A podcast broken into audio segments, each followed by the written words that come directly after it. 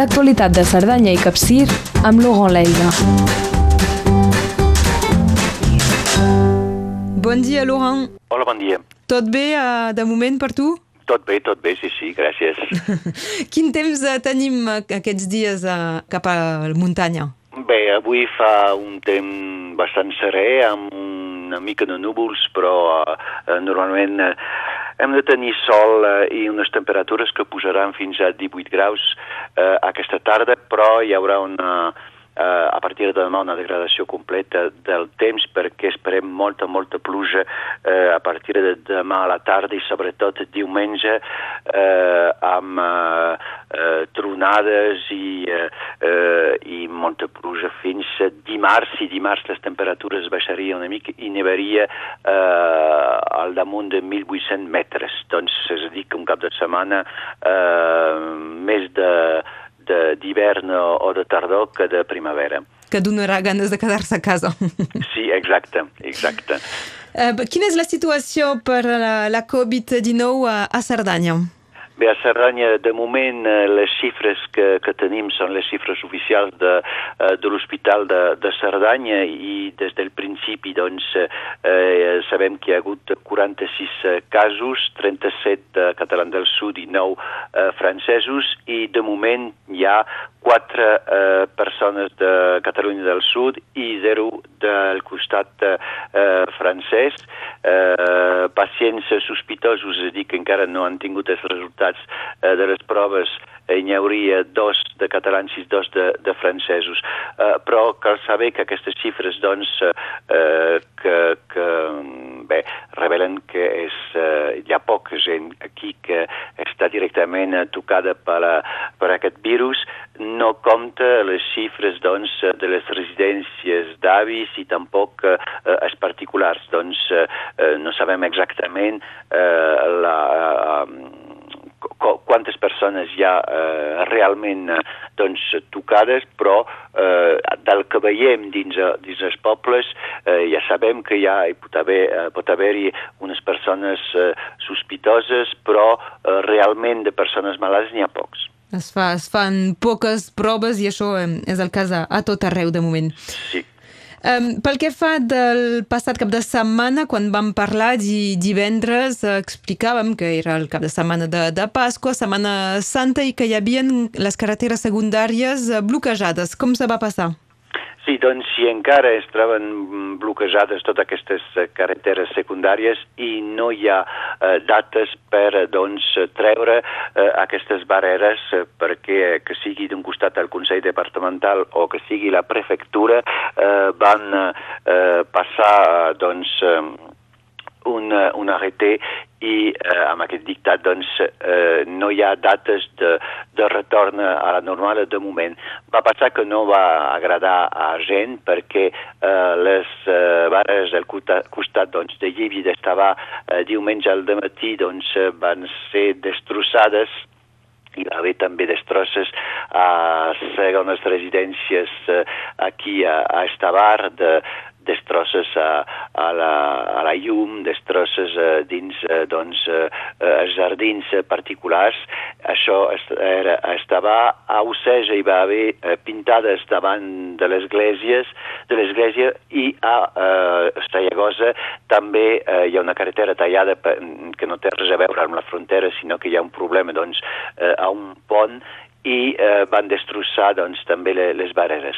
Eh, veiem que hi ha un cert nerviosisme de, de, de certes persones eh, perquè doncs, tot això eh, canvien els, els costums, canvien les eh, habituds de la gent que eh, van d'un costat i de l'altre i que poden circular i com a tot arreu, encara que ens trobem a, dins un medi eh, de muntanya o rural, eh, és com a les ciutats, és a dir que eh, la gent eh, no accepta, tota la gent no accepta, eh, encara que la majoria sí, però hi ha uns eh, individus que no. Suposo que s'ha presentat denúncies per poder investigar-ho. Exacte, s'ha presentat denúncies. Tenim, pel que fa uh, allí hi havia uh, doncs, uh, imatges uh, de les càmeres vídeos de, del tràfic de, de Llívia, doncs tot això es troba a les mans de, dels Mossos, de la Guàrdia Civil, de la Gendarmeria francesa i doncs sí, sí, hi ha hagut denúncies per tot arreu. Uh, Laurent Leig, no tot és negatiu en aquest uh, temps i uh, ja que hi ha distanciament social, alguns uh, van cap a les xarxes socials per poder ser solidaris. Sí, exacte, i veiem que hi ha tot un munt de gent eh, que proposa eh, el seu saber, el que sap fer a, a d'altres persones mitjançant eh, les eh, eh, xarxes socials, eh, una, una mena d'intercanvis de, de saber, coses que eh, ja ho sabem dins eh, ciutats es pot fer físicament, intercanvis de saber, és a dir, que hi ha persones que s'esplacen dins un lloc per poder aprendre a altres persones eh, coses que, que sap fer i aquí es fa directament doncs, a les xarxes socials, a les xarxes socials que sigui algú que eh, sap cuinar, un altre que sap fer doncs, eh, les mascaretes o algú que eh, té noció de, de, de jardinatge i tothom doncs, és bastant fàcil avui amb, amb els telèfons eh, eh, mòbils eh, fer una foto, fer un vídeo i doncs posar-lo a les xarxes socials i explicar a la gent. I això trobo que eh, eh, doncs, eh, eh, fa que els lligams entre la gent, entre els, eh, els coneixements eh, de, de la gent eh, es pugui eh, posar a l'abast de tothom està, està molt bé. I esperem que, que duri per després també aquest això, tipus d'intercanvi. Exacte, això després ho caldrà veure si, si dura i si, eh, eh, i si la gent eh, té, té el temps, sobretot perquè aquí eh, eh, és que la gent té temps perquè es queda a casa i doncs té temps de, de fer-ho, té temps de mirar-ho i de poder intercanviar coses. Després és una mica més complicat. Aquest eh, dilluns passat, el president de la República Francesa, Emmanuel Macron, va anunciar una nova data de, fi, del confinament fins com a mínim l'11 de maig i també eh, va anunciar eh, que els grans esdeveniments amb molt de públic eh, fins a mitjans de juliol s'havien d'anul·lar. Això ha provocat una nova onada d'anul·lacions oficials, podríem dir. Sí, exacte, anul·lacions oficials o encara no oficials perquè eh, de moment és una mica lluny encara doncs, eh, que sigui juny o que sigui juliol, però ja sabem ja que les festivitats eh, aquí eh, a Cerdanya, totes les festivitats de la Sant Joan, eh, normalment no es podran fer, potser es podrà fer un foc que la gent mm, podrà mirar d'un lloc des de casa, per exemple, no sabem encara perquè és massa d'hora, eh, hi haurà l'11 de maig entre, entre aquesta data i després un, un mes i mig més, doncs no sabem, però el que sabem que eh, els reagrupaments de molt de gent no serà pas possible.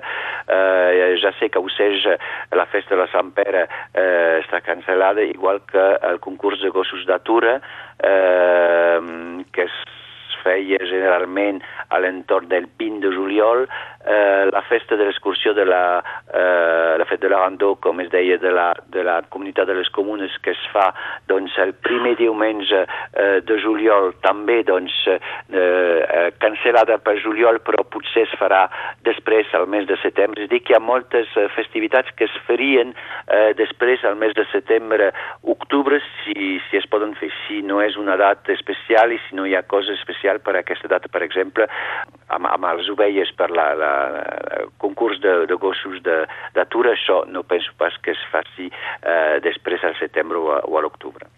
Uh, anirem, suposo, les properes setmanes continuant uh, mirant aquest calendari perquè tothom està buscant alternatives, siguin nova dat noves dates o, o, com deies, potser idees imaginatives per poder celebrar algunes coses tan tradicionals com, com el foc de, de Sant Joan i també s'haurà de mirar per la situació dels, uh, dels animals que, que pugen en pastura a l'estiu. Uh, són, suposo, moltes, uh, condi molts condicionants. Molt condicionats i sobretot quan és una cosa amb una data especial i, i, i com la Sant Joan, uh, bé, fer una rebella, fer un foc uh, al mes de, de final de mes d'agost o, o setembre, això es pot fer, però no serà pas la Sant Joan. Això, una mica com Sant Jordi al, al sud, que han decidit de posar-lo el 23 de juliol, no serà ben bé el mateix. Exacte. D'això volem parlar avui. Uh, hem fet un repàs de la situació a Cerdanya i Capcí en companyia de Laurent Leiga. Gràcies, Laurent. Gràcies a vosaltres. Fins aviat. Adéu. L'actualitat de Cerdanya i Capcir amb Laurent Leiga.